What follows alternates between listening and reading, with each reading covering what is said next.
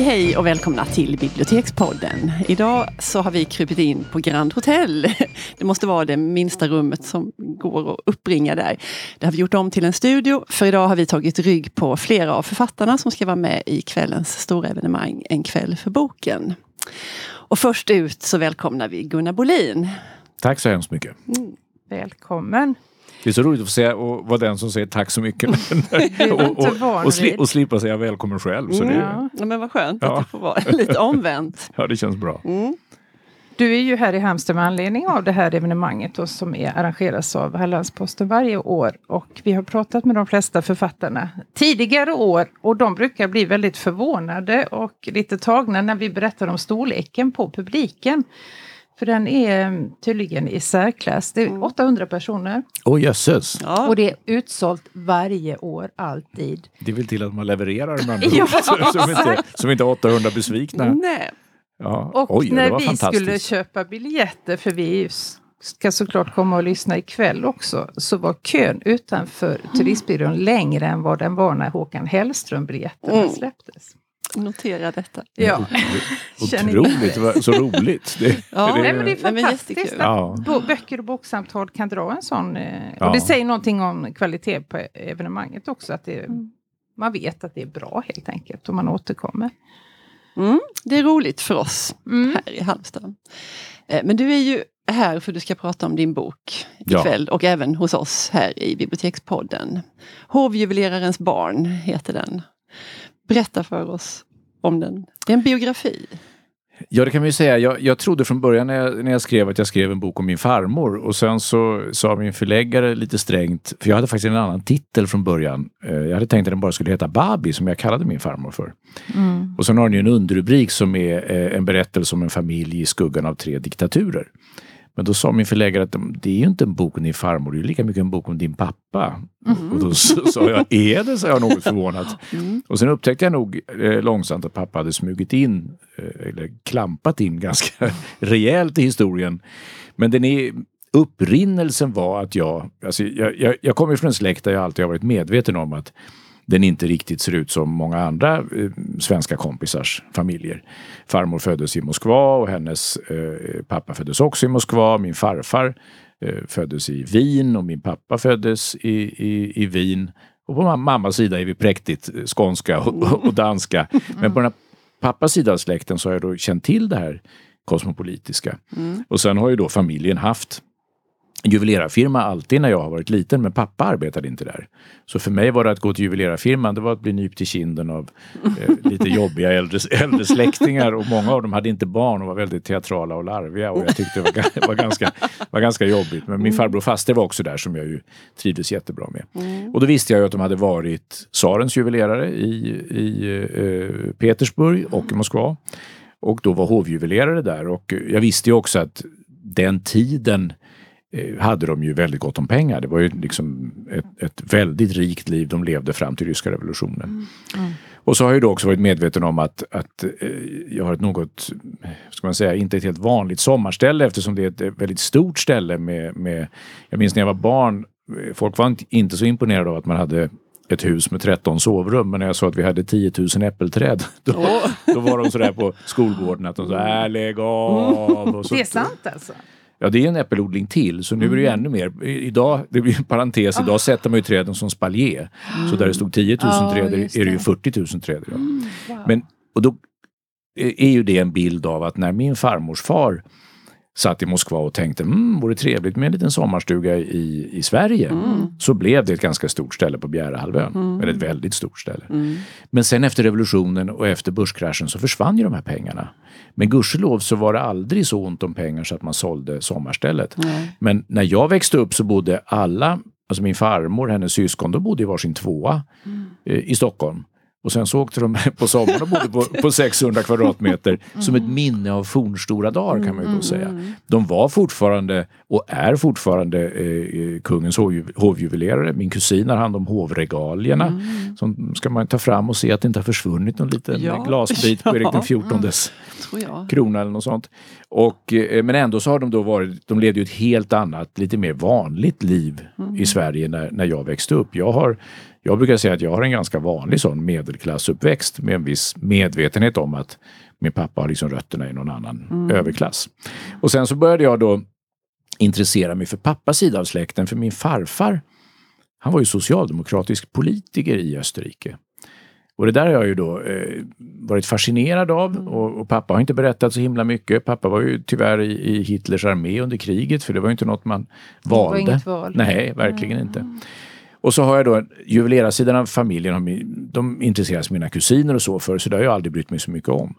Och sen hittade jag en sommar på vårt sommarställe och det är också en fördel med att ha ett stort sommarställe för det är ju sådär att när man, någon gammal släkting dör och man står och tittar på lådor och grejer och så säger man det är ju synd att slänga det här och då säger någon strängt ja ta det du då. Och då blir man lite rädd och känner att nej var ska jag ha allt det här? Och så tyvärr så slängs det ofta brev och minnessaker men vi har nog tagit ganska mycket till landet. I alla fall i en äldre generation så det finns mängder med brev. Mm. Tyvärr är en del handskrivna med rysk, eh, kyrilliska bokstäver och det grejer ju inte jag. Tyska klarar jag bra. Mm. Och jag letade ju länge efter min farmors brev från när hon reste till Wien 1919. För det är lite rörigt, man, ja, det är ett bra sätt att säga att man får köpa boken för där finns ett, familj, ett familjeträd. Min farmor som föddes i Moskva, hon hade då en, en svensk pappa och en österrikisk mamma. Så åkte hon med sin österrikiska mamma till Wien efter första världskriget och träffade min farfar. Och sen så eh, var det bröllop i Båstad, i Mariakyrkan i Båstad i september 1920. Så att vi har ju då tänkt i familjen, pappa har alltid sagt så att ja men de träffades på någon tebjudning för att min farmor och min mormor, de var gamla vänner på något sätt. Mm. Och, eh, eller vänta, hur blir det? Hans, jo, det blir det, just det. Hans farmor och hans mormor hade träffats när de var unga. Men då tänker man ju ändå att ja, då träffades de då där någon gång 1919 och sen var det inte aktuellt att åka fram och tillbaka så de har träffats en gång. Och sen har de bestämt sig för att gifta mm. sig och sen kom han åkande hit. Det var ju så otroligt oroligt i Europa på den här tiden. Ja. Det var ju i princip inbördeskrig i Tyskland. Det var nästintill inbördeskrig i Österrike. Det var en enorm fattigdom. Det var inte lätt att resa så att jag kan omöjligen föreställa mig att min farmor åkte och hälsade på sin blivande eh, man i, i ett senare skede. Jag tror att hon träffade honom på den tiden när hon var där och sen så tror jag helt enkelt att man det måste ju ha sagt ordentligt klick och att de verkligen föll för varandra och sen har de förmodligen skrivit massor med brev till varandra och sen så gifte hon sig med... Kvar, de breven? De breven finns inte kvar. Kärleksbrev är väldigt lätt att de slängs. De kanske har haft eh, röda rosetter runt sig ja. och sen har man tänkt att det där ska vi, ingen annan få läsa. Mm. Men efter giftermålet då så hittade jag brev från min farmor från 20 och 30-talet i Österrike hem till, som hon skrev till sin mamma. Och då kände jag nog att det här borde jag göra någonting av. Så det första jag gjorde var att jag, eh, jag tog och översatte allihopa. Alltså jag renskrev dem från tyska till svenska. För jag tänkte att det kan ju finnas kommande släktingar som inte mm. studerar tyska flitigt. Mm. Och framförallt märker man ju på de som är generationen eh, under mig, de kan ju knappt läsa handstil längre. Nej, det är jättekonstigt. Min farmor skriver en fantastiskt vacker ja. Eh, handstil. Det finns mm. tryckt ett litet brev på insidan av, av mm. permen. Ja, men jag tänker två saker. Dels att hur ska det gå för framtida eh, nyfikna ja. människor med dig eftersom ingen skriver brev överhuvudtaget. Nej. Eh, det blir svårt för mejl bevaras ju inte på det Nej, sättet. Nej, och hur roligt skulle det vara att sitta och forska i sms där det står jag, jag, kommer, jag kommer om en kvart, puss. Emojis. Handlar du mjölken? Ja. Nej, och sen tänker jag vilken otrolig slump att du finns till med tanke på alla de här trådarna och oroligheterna. Så är det ju verkligen. Ja. Mm. Det, det, det, är det ju för oss alla men i ditt fall verkar ja. det ännu mer osannolikt. Jo men det är klart, det är, det är ännu mer när, man, när det är väldigt många, det är väldigt geografiskt mm. spritt mm. där det slumpar sig att någon ska vara. Om min farfar inte ja. hade varit hemma den dagen som hans mamma hade en tebjudning utbildning. Mm. Med sin gamla kompis som har bott i Moskva i 30 år. Mm. Mm. Nej, det är klart att eh, så var det. Nej. Men du, när, när, började du tänka att det här skulle bli en bok? Då? Var det när du hittade de här breven? när jag hittade de här breven så ja. gjorde jag lite radioprogram. Och i de radioprogrammen så tänkte jag då när jag hade läst lite grann att, att min farfars öde förklarar ju en del av Österrikes historia. Mm, mm. Så då intervjuade jag en gammal, eh, alltså min pappas kusin i Wien tante Nelly som var en uh, ogift gammal dam som bodde i en stor ogästvänlig våning i Wien där jag alltid fick hjälpa henne att hämta kol ifrån källaren och så fick man värma upp. Och, eh, det låter ju det, var, så. det, det var väldigt, det, det väldigt gammal stil och så hade hon Mm. såna här ljusa Biedermeier-möbler, såna här lite i björk från mitten av 1800-talet. Det var säkert väldigt fint men det var, jag var där ända från jag var 18 år då och då. Mm. Jag tyckte det var otroligt omodernt och Ah. tråkigt. Och tant. Nelly var en liten jätterar men försiktig liten katolsk dam. Mm. Och då tänkte jag skulle fråga henne då om, om min farfar som ju då var hennes farbror. Mm. Så, och då var jag, jag var alltid väldigt intresserad av att det här var också en högborgerlig familj. Mm. Min farfars pappa var bankdirektör. Så jag tänkte varför blev min farfar socialist? Mm. Och på 20-talet var det ganska radi- radikalt. Alltså när man läser hans ledare som har skrivit tidningar och sådär så är det ju väldigt sådär produktionsmedlen ska vara i arbetarnas händer och kapitalet ska slås sönder och så. Mm. Ja. Och jag frågade då tante Nelly och, och hon var ju alldeles... Åh, det var förfärligt, sa hon bara. Och, och, och tog sig lite... Åh, det, nu pratar vi om något annat. Så det, det tyckte hon inte var bra. Och då försökte jag förklara för tante Nelly att men snälla tante Nelly, om man nu har en släkting som har varit politiker i Österrike på 30-talet så är man ganska glad Ja. att han Att var, var social, var socialdemokrat. Ja, ja, ja, jo, för, förvisso tyckte hon väl. Hon var absolut ingen, ingen nazist men hon var en väldigt konservativ Ja. person. Det var ju väldigt många av, detaljerna vet jag inte, men det var ju väldigt många av den här, vad ska man säga, lite finare borgerligheten som ju tyckte att, att Hitler var oändligt vulgär. Mm. Och eh, eh, liksom en, en uppkomling och så. Men Mm. min farfar var med under hela första världskriget och jag hittade papper på att han var då vad man kallar rikligt dekorerad. Och då tog jag faktiskt kontakt och frågade Peter Englund som fick se lite på vad, han hade gjort där under första världskriget och sa att jo men där konstaterade då att det här var ju eh, eh, utmärkelser som tyder på att han har varit nära slag och sådär. Och så frågade jag Peter Englund om det innebär att kan, kan jag utgå från att min pappa har dödat någon? Det här var ju ett krig där det dog så fruktansvärt många. Men då svarade han ju ärligt att nej, utgå från kan du inte därför att man vet inte vad, hur man befinner sig. Man, man får de här dekorationerna tyder på att man har varit där och verkligen gjort tappra saker men det kan ju också vara att man tar hand om andra och så. Men då läste jag då att de två av slagen som han var med vid var, eh, eh, hette slagen vid Isonzo. Jag kunde ju ingenting om det här. Mycket jag lärde mig när jag skrev boken. Och då slog jag upp de här slagen vid Isonzo. Det var åtta slag som stod mellan Italien och Österrike-Ungern. Och vid de här slagen så dog det 500 000 unga pojkar. Och och så var jag tvungen att kolla, det kan ju inte vara 500 000, det måste varit 50 000. Tänkte jag. Nej, det är en halv miljon. Som bara sla slaktades där. överlevde. Han överlevde och det var ju så kanske lika många som överlevde, det vet jag inte. Men då drog jag slutsatsen att jag tror att han kom tillbaka från första världskriget och var antimilitarist, alltså pacifist. Ja. Jag tror han var äcklad av allt han hade varit med om. Och då var det ju en sida man vände sig till. Jag tror inte att han var någon ideologisk marxist. Men det, sen vet ju inte jag om han i slutet av kriget det diskuterades säkert jättemycket på luckorna och kanske gick böcker emellan. Hur ska det nya samhället se ut? Och att han fångades av de marxistiska idéerna är helt klart. Det kan man läsa av när han sen blev politiker. Men hur som helst så är det då så att min lilla farmor som var en överklassflicka från Moskva där de var uppvuxna då, det var där bodde de så stort så att där, där har min kusin visat och där adressen som de bodde på, eh, de hade två nummer i huset för att de hade båda, båda uppgångarna. Så där var det tjänstefolk och, och ja, inga, det fanns ju alltid pengar. Men väldigt märkligt att min, min farmor och hennes syskon var oerhört pragmatiska. De var eh, eh, och lite lätt bohemiska. De tog det liksom som det kom. Så ingen av dem det fanns aldrig några klagomål, det fanns ingenting i släkten om att åh, rikedomarna vi fick lämna efter oss. Jag har sett den här kravlistan på alla miljoner som man har haft på den sovjetiska staten efteråt på det man har lämnat, lämnat efter sig. Men eh, farmor var eh, oerhörd. Hon, jag menar, hon kunde, jag jämför med min mormor och farmor, var den som kunde sy och vända på kläder och, och hjälpa till och som kunde laga mat på rester och som verkligen ku- hade lärt sig allt det där. Det var, var absolut inte någon överklassflicka som satt och väntade på att det skulle komma någon jungfru och hjälpa till med någonting. Det var verkligen motsatsen. Så när hon hamnar i Österrike får jag ändå en känsla av att hon, det är ett helt annat liv. Men på något sätt så tror jag nog att hon, hon köper det ganska snabbt. Men vad hon inte köper är ensamheten, eh, att alla fester försvinner, att man inte bjuder hem folk på middag. Att min farfar är som min pappa alltid sa, att han var idealist. Han var ute 14 timmar om dygnet och jobbade med, för då Socialdemokraterna. Och då sitter farmor ensam och eh, inte i Wien som hon hade hoppats, utan i Wiener Neustadt.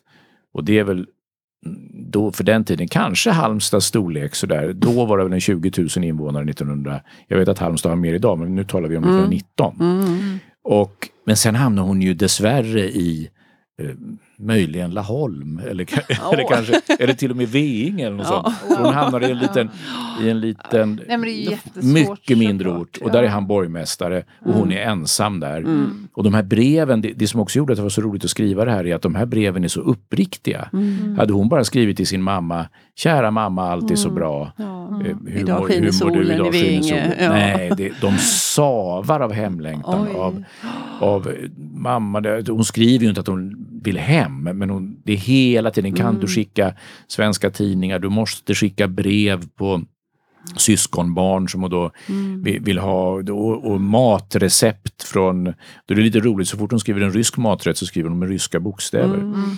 Och eh, berätta, berätta, jag läser dina brev som romaner. Och då vet jag, där sitter hon 23 år Ja. ensam större delen av dygnet. Och från början har de inte, om man tänker mell mellankrigstiden var det ju ändå, även i Sverige, att i medelklassen hade ju de flesta ett, ett hembiträde. Mm. Det, det var ju lärare och alla, jag menar, det var ju en ganska vanligt förekommande. Och de får det lite senare till hennes stora glädje. Och till sist får de också en som kan bo hos dem. Och det, det, så hon klagar ju ständigt på att de inte har pengar. Och det är klart att det är relativt. Folk svalt ju i Österrike. Men det är också så att nu har Ernst, som då min farfar hette, han har bara en mörk kostym och den är alldeles blank i, i baken. Och, och klart, han var ute och representerade så att det var, det var ju speciellt. Men farmor hade det svårt och sen hade hon det väldigt svårt med sin svärmor. Hon skriver ganska tidigt i ett brev till sin mamma. Mamma, jag höll på att kasta tekoppen i huvudet på svärmor. och det tycker jag är roligt. Att hon, är, Ja, att hon verkligen är så ärlig i breven. Ja. Och då är det att då har svärmor blivit upprörd för det har kommit två ryska vänner som har flytt revolutionen, som har kommit via Wien och som bor hos dem. Och då är svärmor på besök och säger eh, Varför låter ni det här packet bo hos er?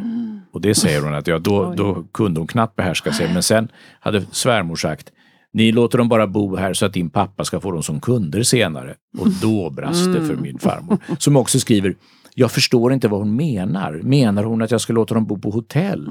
Förstår hon inte hur lycklig jag är att vi är lite fler här runt Ja, bordet? Att man får skratta lite. För hon vi- hade varit så ensam. hon hade varit så enormt ensam. Ja, mm. Och sen var min farfar, hon skriver också sådär att att vi, Lärn säger alltid att vi har inga pengar, men jag säger att vi kan skära i lite mer morötter i grytan och så kan man ställa fram Mm. två tallrikar till. Hon är van vid att det är fart och fläkt och att man pratar med varandra. Mm. Hennes pappa sjöng väldigt mycket. Eh, eh, Det har alltid funnits piano där hon, där hon har bott och det, det blev ju ett helt annat liv för henne. Alltså man förstår ju att du har det här verklighetsunderlaget och du har breven och, och allt det här. Men var det ändå givet att det var en biografi du skulle skriva? Eh, det är ju många som har skrivit, jag tänker på eh, Alex Schulman till exempel, som har, han kallar det ju roman när han berättar om sina mor och farföräldrars liv. Ja, alltså det är klart, om man kallar man det för roman kan man ju ta sig lite större friheter. Mm. Men det var aldrig lockande för dig? Och... Jo, alltså det första jag skrev var helt, alltså i boken så finns det så att säga gestaltade kapitel. Mm. Och då, det finns till exempel ett kapitel när vi får följa med min farmor när hon då, när de bodde i Wiener Neustadt, då är det ganska nära in till Wien. Det tar väl en 25 minuter med tåg eller så. Och då får vi följa med henne in till Wien. Och då beskriver jag hur hon går in i ett stort varuhus, hur hon letar, tittar efter tyger, hur hon plötsligt börjar leka att hon är en finare dam än vad hon är och kan titta på tyger som de egentligen inte har råd med. Och hur hon sen går och dricker kaffe och sådär. Och det vet ju inte jag om hon Nej. har gjort. Nej. Så det tycker jag är, jag vet att hon åkte in till Wien och att hon längtade till Wien. Jag vet att hon hade dåligt med pengar och att hon var van vid ett annat liv. Så det är klart att jag har blåst liv Ja. i eh, delar av historien, men inte hela. Det första Nej. jag skrev så var allting gestaltat på det här sättet. Okej. Alltså, min farmor heter Karin, då var hela boken Karin vaknade på morgonen och undrade Mm. varför eh, fåglarna hade slutat kvittra. Så, så skrev jag på så, men nu blev det ett, ett mellanting och det Eh, Det är jag rätt glad för. Jag tror att det, att det funkar bättre. Det är ju rätt mycket fakta med också men, men, det, men det är ju invävt i familjehistorien. Så det är något av en blandform. Men det här är ju en bok som väldigt, väldigt många vill läsa. Vi kollade reservationslistan Ja. för det är alltid ett mått på Ja, ja, eh, okej. popularitet och det var Mm. över 60 reservationer i Oj. Ja, dagsläget. och då har vi kanske väldigt mycket. 15 exemplar eller någonting sånt Ja. där som Jaha. är i omlopp. Och, Mm. Har ni 15 exemplar av den här? ja, Oj. vi, vi har flera filialer och flera ex på Ja, ja. Stadsbiblioteket. Och sådär. När kön växer så är man tvungen att köpa fler. Ja, men jag förstår. har- Nej, men Men det är väldigt mycket. Eh, det är väldigt kul. Och det, och, och det är inte, jag är ju väldigt glad att, den, att jag fattar att det är alltid så när man skriver någonting som man uppfattar som väldigt personligt. Mm. Så är det väldigt kul när man då får, idag är det så lätt för folk att mejla och särskilt som jag är en delvis offentlig person via Mm. mitt radioarbete Mm. så kan man lista ut min mejladress väldigt lätt. Ja. det, är, det är ju Gunnar.Bolinos och Yes. Sveriges Radio Ja. bara. Men och då är det ju många som då, oh, det, jag känner igen så mycket och min farmor var eller någon som har någon annan släkting som bodde utomlands. Och det tycker jag är ju väldigt kul att man då har fastnat för det. Och sen så är, är det ju många som tycker att porträttet av min pappa är, är roligt och det är ju lite speciellt. Pappa Mm. var ju en väldigt speciell Mm. person. Så jag fick ett, tidigt fick jag ett brev av en eh, god vän som läser väldigt mycket och som jag eh, vars, vars eh, åsikter och värderingar jag, jag verkligen sätter högt. Och då skrev han att han, eh, han skrev att han tyckte om boken och skrev att porträttet av din pappa är respektlöst och kärleksfullt. Mm. Och det var precis då tänkte jag, Ja. när jag först läste det respektlöst så tänkte jag, Oj. Aj, aj, aj. Inte bra. för det är respektlöst och man kan inte vara annat än respektlös mot min pappa för han var respektlös mot så många i sin omgivning. Mm. Men av någon outgrundlig anledning så tyckte jag om honom ändå, Ja. i alla fall mot slutet av mitt liv. Så. Mm. Du, jag tänkte på en annan sak här då, för vi pratade om det innan, det här att du kanske hade dubbla roller här, för du är ju också recensent och kritiker och, och så nu var du också författare. Så att den här kritiker Gunnar på axeln och liksom petade och kommenterade. Och, men, eller kunde du särskilja det när du själv alltså jag, skrev? jag kände ju på många sätt att jag var ute på väldigt djupt vatten i och med att jag aldrig har skrivit en bok förut. Nej. Och jag har ju varit så länge, jag har varit 33 år på Sveriges Radio Mm. och jag har gjort i princip allt. Jag har ju varit utrikeskorrespondent, jag har Mm, varit eh, mm. krönikör på olympiska spel, jag har, jag har varit på kulturredaktionen som programledare, som kritiker, som kåsör, som... Jag, jag gör verkligen... Barn i huset. Jag gör väldigt Mm. mycket olika saker. Och där har jag ju ändå med åren en sorts trygghet i att jag själv kan känna, nej men det där blev inget vidare, men okej då, allt kan inte vara toppen. Här kände jag ju när jag skrev att jag inte riktigt visste. Nej. Och jag visste framförallt inte hur hela den här långa bågen skulle hålla. Så det var ju också väldigt roligt. Det är ju 350 sidor när faktiskt väldigt många säger att oh nej men det, det, det är en bladvändare, det, det, det, det är lättläst och, och eh, det är ändå ganska mycket fakta med i det. Men jag, jag hade nog inte kritiken på min axel medan jag skrev. Nej. Men däremot så tror jag, jag har ju läst in den som ljudbok också. Mm. Jag tror väl att jag hör min egen röst, för det gör jag ju alltid när jag gör radio. Mm. Så jag tror nog att jag, att jag skriver eh, och, och hör det högt liksom, Mm. som, som, som uppläst. Vilket jag Men inte det tror tror. jag är en bra ja, jag grej. Menar det. Jag Ja, tror inte det, det är ingen ja, nackdel. Nej. Ja, nej men vi måste passa på att prata lite radio också. Ja, när vi har absolut. dig här. Väldigt kort. Väldigt kort, ja. Nej men det är ju jättekul. Och, men vi tänkte så här då, så, för som sagt så har du gjort verkligen allt där på P1, på kulturredaktionen. Ja. Men kan du inte bjuda på några sådär moment, något jätteläskigt som har hänt eller något fantastiskt? Gärna både och. Jeanette vill gärna höra något Jo, fruktansvärt. Det det värsta, värsta som det har hänt. Alltså det man, med, med tiden så lär man sig ju, det hände ju senast eh, i, igår, vilket med andra ord är den 13 november va? Mm. Eh, den, den, podd- den ligger säkert kvar ute. Att, Mm. Då är det bara en sån enkel grej som att man, man sitter och säger, man läser upp en, ett inslag som ska komma så Mm. finns inte det inslaget. Så blir det alldeles tyst och så är man, vad gör vi nu då? Och det blir ju snarare med åren ingenting som stressar mig sådär Nej. överdrivet mycket. Och, och jag brukar alltid säga att leder man, är man programledare i en- i ett timslångt program är det mycket lättare. Har man Kulturnytt på morgonen med sekundpassning, då kan 20 sekunder extra plötsligt vara, oj, är det 20 sekunder kvar? Och då kan man ha svårt att hitta vad man ska säga. Och tystnad i radio Ja, är men ju du vet också att- eh, inte... Nej men då tror de ju att det är fel på Nej, men det blir jättekonstigt men har, man, har jag mitt långa program på P1 Kultur då kan jag alltid Mm. säga när jag lyssnar på P1 Kultur och så har jag alltid med ett papper och i morgondagens program Prassel Prassel så kommer de att tala om och så sneglar man och så Mm. läser man lite till och så tittar man på klockan igen och, och ni vet ju att ni kan alltid mejla oss. Då kan man dra, dra, dra på sådär. Medan i ett sånt här snärtigt kort, liksom som en ekosändning, låter det Mm. jättekonstigt om man börjar snacka om mejladresser. Men jag tror att om, om jag ska... Det plågsammaste som jag Ja. varit med om och som jag fortfarande eh, som är jobbigt att tänka på, det är Mm. att jag jag hade en sån otroligt bra programidé med en sån otroligt bra rubrik och den hette Bibliotekarien i Magdeburg. Och då var det så att när jag hade varit korrespondent i Berlin så träffade jag ju rätt ofta då, det var 2001-2003. Och då var det ju så att om man träffade folk som var i 40-50-årsåldern, då hade de ju varit yrkesverksamma både i DDR och i det, det nya stora Tyskland, om man var i öst. Och då tänkte jag det vore ju roligt att intervjua en bibliotekarie Ja. som hade varit bibliotekarie både under diktaturen och när muren föll och de då kunde Mm.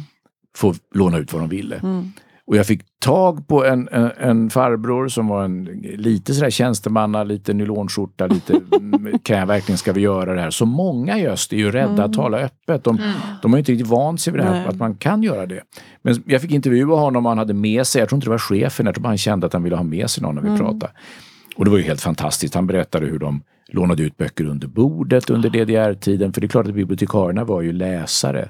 Och så frågade jag honom, vad var du mest nyfiken på då? Vad var det du hade hört talas om som du hemskt gärna ville läsa? Jag, sa, jag vet inte varför, men det var Philip Roth.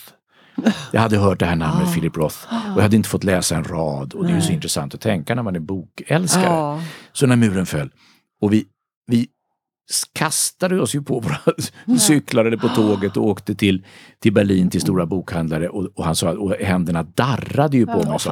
Men sen berättar han ju också att och sen var det ju så att vår utlåningsfrekvens den sjönk ju som en sten. Mm. Och det är ju ganska deppigt då. När Man böcker finns att annat att tillgå, göra. då var det inte lika viktigt. Nej. Men jag har inte kommit till det hemska ännu. Då gör, jag den här, då gör jag den här intervjun och sen så klipper jag upp den och så lägger man den i vad vi kallar i mångspår. Så att jag, jag har mina inlästa prator, jag måste ju översätta honom och alla hans prator. Och sen så har jag delat lite musik, det här skulle bli ett 40 minuters program. Och så på fredagen så går jag hem från radion och sparar ner det på min dator. Och sen så kommer jag på måndagen, då ska jag arbeta med tekniker och sätta ihop det och det ska gå på tisdagen Oj. med rubrik och med foton och allt. Och då kommer jag på måndagen, då är alla hans grejer borta. Allt jag intervjuat honom med är borta. Och, då, och det här var, säg att det här var 2005. Och då är det så konstigt, ni vet att om man försöker man slänga något i ett Word-dokument så säger ni ofta, är du säker på att du vill slänga? Ska du verkligen slänga? Ja, ja, ja. Men vi har automat... Ja. Men efter tre månader, jag gjorde, det här inslaget behövde ju inte göras med samma. Efter tre månader raderas alla filerna på, på våra datorer. Det var så då. Ja, din inställning. Och det var oåterkalleligt. Så jag sitter där och har bara min egen röst och han är borta. Och jag har ju lovat att skicka filer till Åh. honom och. Och vi, vi löste det faktiskt kreativt med att jag, det, var, det blev bara jag, det blev som en artikel. Mm. Att jag bara berättade och så tänkte jag, nu hör, hör någon av sig och säger, får vi inte höra gubben? Ska du, ska du sitta där och, ma- och mala? Det, det tror jag faktiskt fortfarande är mitt, Mm. mitt mest plågsamma. Sen har jag sådana där när jag, när jag verkligen har kommit av mig och man bara känner att som en avgrund öppnar sig. Det tror jag, man, om, om någon som lyssnar kan jämföra kan det vara om man ska hålla ett tal och tappa bort sina papper och bara känner att man, Ja. man blir helt, Helt borta. Liksom. Men, men det här är nog det som jag tycker är det Ja. Mm, det gör värsta. ont. Ja, det gör ont. igenkänning. Ja, det var, jag tänkte inte på att det, var en, att det var en bibliotekariehistoria. Det var Nej, ju men bra. det gillade vi ju jättemycket. Nej, men både, vi, känner ju viss, i med podden, Ja. att vi har också haft tekniska problem Ja, som då. har varit Oöverstigliga. oöverstigliga. Jan skrattar där borta. Ja. Men du, vi är så himla glada och tacksamma att du tog dig tid. Ja, det- Ilandes, det- det- direkt det jag. ifrån det, Ja, det försenade tåget. Direkt från det försenade Ja, och vi tåget. tänkte också, du kanske har gjort några iakttagelser på tågresan här nu. Om du ska vara med På spåret någon mer gång så kan det kanske vara bra. Ja, Hålla ögonen det, öppna. Det, det, jag ska inte vara med den här säsongen. Nej, vi kollade men, upp det, Men, men de det säger ju fler. vänligt att man är på avbytarbänken. Så Ja. att det, om det blir, hette det Sävenäs jag åkte förbi? Nej, det gick Mm. väldigt långsamt. Men annars, det är inte någon... Man, man kan ju de här Stockholm, Ja. Stockholm Göteborg, inga är inga överraskningar. överraskningar. Nej, det händer inte så mycket. Nej. Ja, nej men som sagt, tusen Ja, tack. Tusen Tack tack. själva. Ja, tack. Vi ses ikväll. Ja, det gör Ja, vi. hej Tack, då. hej, hej.